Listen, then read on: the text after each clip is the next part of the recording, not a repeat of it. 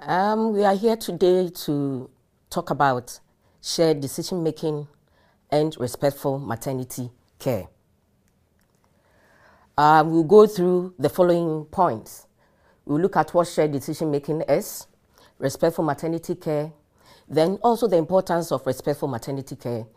Then we look at the 12 um, points that International Childbirth Initiative has given to us. Then we conclude.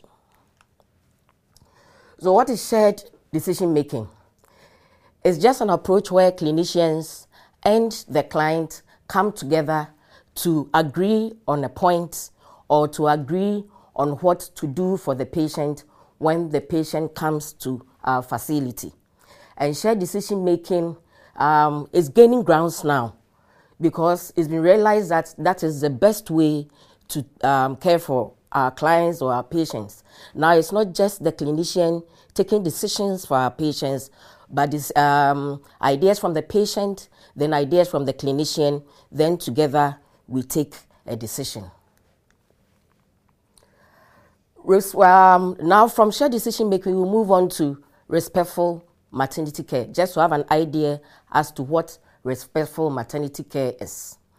And the WHO says respectful maternity care is supposed um, to be uh, maintaining the dignity of the woman who comes to our facility for care when the person is pregnant or in labor or after labor. And we are supposed to um, give the person the privacy or the patient the privacy that the person needs, um, confidentiality, and we are supposed to make sure that this woman doesn't go through any mistreatment or harm. Why is respectful maternity care very important when it comes to taking care of uh, women who are pregnant or in labor or after delivery? The first one, as recommended by WHO, is that respectful maternity care is a human right. You don't decide on who to give respect to.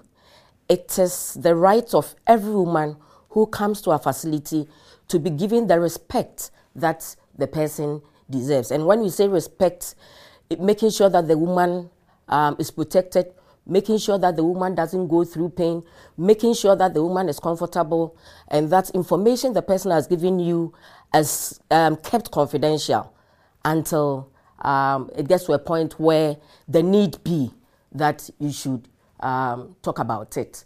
Then it also helps improve women's experiences of labor and childbirth. When a woman comes to your facility to come and deliver, or the person comes for care, and um, the woman experiences negative, um, anything negative in relation to the care that is rendered, it tends to have an effect on the next step the woman will take. The woman can continue coming to the hospital based on the um, care that um, she's given. Or she can decide not to come to the hospital again because of the mistreatment or the bad um, care that was given to her when she came into contact with you. Then respectful maternity care addresses health inequalities. All human beings are equal. You don't look at a person's status and decide that this is what I'm going to do for patient or, or uh, patient A, sorry, or patient B because of, you know, the way the person looks, because the person has money, because this one is poor. No, you make sure that whichever care you are supposed to give to them, you give it equally. Then when it comes to shared decision making, the International Childbirth Initiative has given us 12 steps to follow to make sure that the woman the baby and the family get the care they need. And the first one is here, the first one here is to provide respect, dignity, and informed choice. When the laboring woman and significant others come to your facility for care, let the person know what is available and let them decide on what they think they are comfortable with. As um, a clinical person, you don't just decide for the woman. And as I said earlier, that is where we talk about shared decision making. So you have to lay down all the choices and assist this woman to make an informed choice. When you say informed choice, then it means you're giving the woman all the information that the person needs. Then um, a decision is uh, made. Then you have to provide free or affordable care with cost transparencies. Where you can offer free care, you do it. Where the woman is supposed to pay anything for the care that is rendered, let the person know why the person is paying whatever um, she's supposed to pay. And we should make sure that, as much as possible, whatever care that we give to our women are affordable. And in Ghana, when we talk about um, affordability, there are some things that the government takes care of, and there are others that the woman needs to um, bear the cost. But let the person know before um, ahead of time. Then another point is the routine, uh, routinely provide mother, baby, family, maternity care. As I said earlier, it's their human rights. You can't decide that I'll provide it or not. It is their human rights, and they need to get um, the care that they deserve and offer continuous support. Find out from the women what you can do to help them. Yes, as a professional, you know the things you have to do for this woman, you know what to do for the baby, and you know what to do for the family. But also find out from her is there any other thing I can do to make your stay with us very comfortable? Sometimes they come up with things, you know, that doesn't um, take anything, no effort. Just doing it for them makes their stay in your facility very comfortable, um, comfortable and very memorable. Another point is provide pain relief measures. You know, where some of us come from in Ghana, when a woman is in labor and a person is going through pain, sometimes you hear people saying that, oh, didn't your mother tell you that um, labor is very painful, go through it. No. At this stage, we are saying that we have ways of relieving pain. It can be th- um, um, through medications or um, through other means that are not uh, medications. When I say medications, I mean medical um, medication tablets and other things. Just rubbing the woman's um, back is a way of relieving pain. Just touching the woman, you talking to, holding the hands and talking to her, it helps relieve pain. Just talking about something interesting is a way of taking the woman's um, mind off the pain that she is going through. So that era of saying that, oh, labor is painful, so go through it, is over when it comes to respectful maternity care. And whatever we do for the woman should be evidence based. We've gone through a lot of research, um, a lot of things going. When it comes to midwifery, it's very dynamic. Medicine is dynamic. So, based on what we know, then we give the care that the woman deserves and avoid harmful practices. Sometimes you think, you, no, you want the woman to push, the baby needs to come out. Otherwise, um, you might lose the baby or anything. So some of us resort to other painful, um, what should I say, painful activities, hoping to push the woman to bring the baby out, like pinching the woman or slapping the thigh of the woman or shouting on the woman. But we are saying that these things do not help. They rather make things difficult for the laboring woman.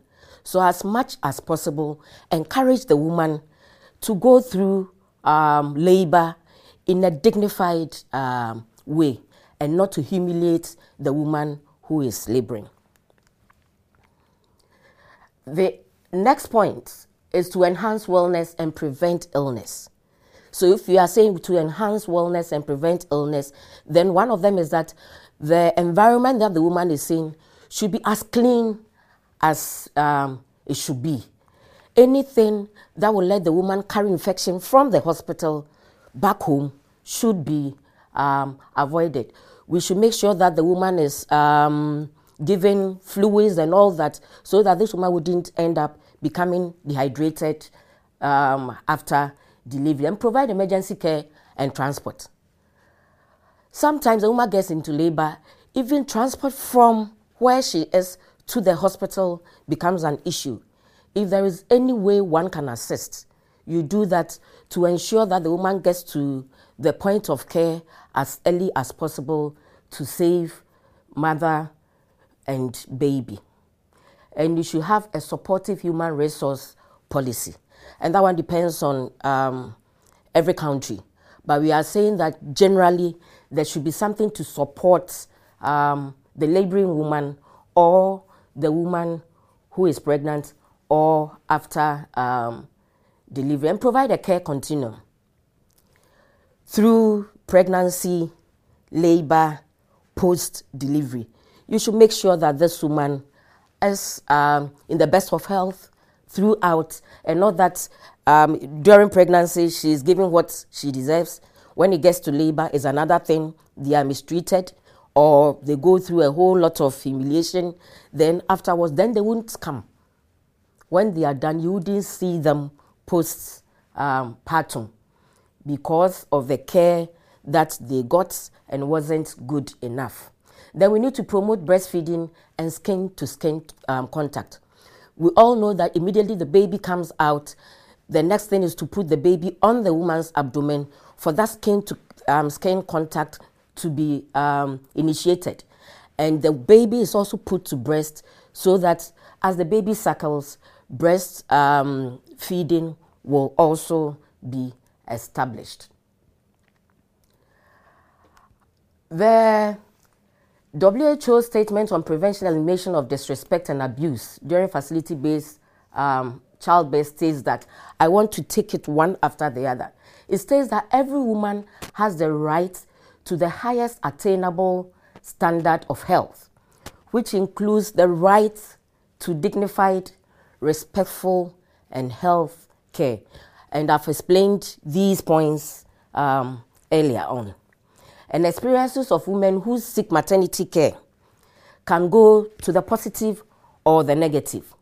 If the woman is given um, a very good um, or if the woman um, gets a very good experience during um, her visit to your facility, then she is likely to come back. But when she gets a negative um, experience or bad experience or something that she remembers and regrets for coming to your facility, then you wouldn't see her again. You wouldn't see her again. So we need to um, look at it. And this memory stays with the woman for a very long time. So, in conclusion, when we say shared um, decision making and respectful maternity care, we are saying that it's very important when it comes to childbirth. Despite the guidance about what constitutes respectful maternity care, it's been realized globally that um, it's not everybody who receives um, this care that we are talking of. So it is imperative for care providers to adhere to the laid down principles. Thank you very much.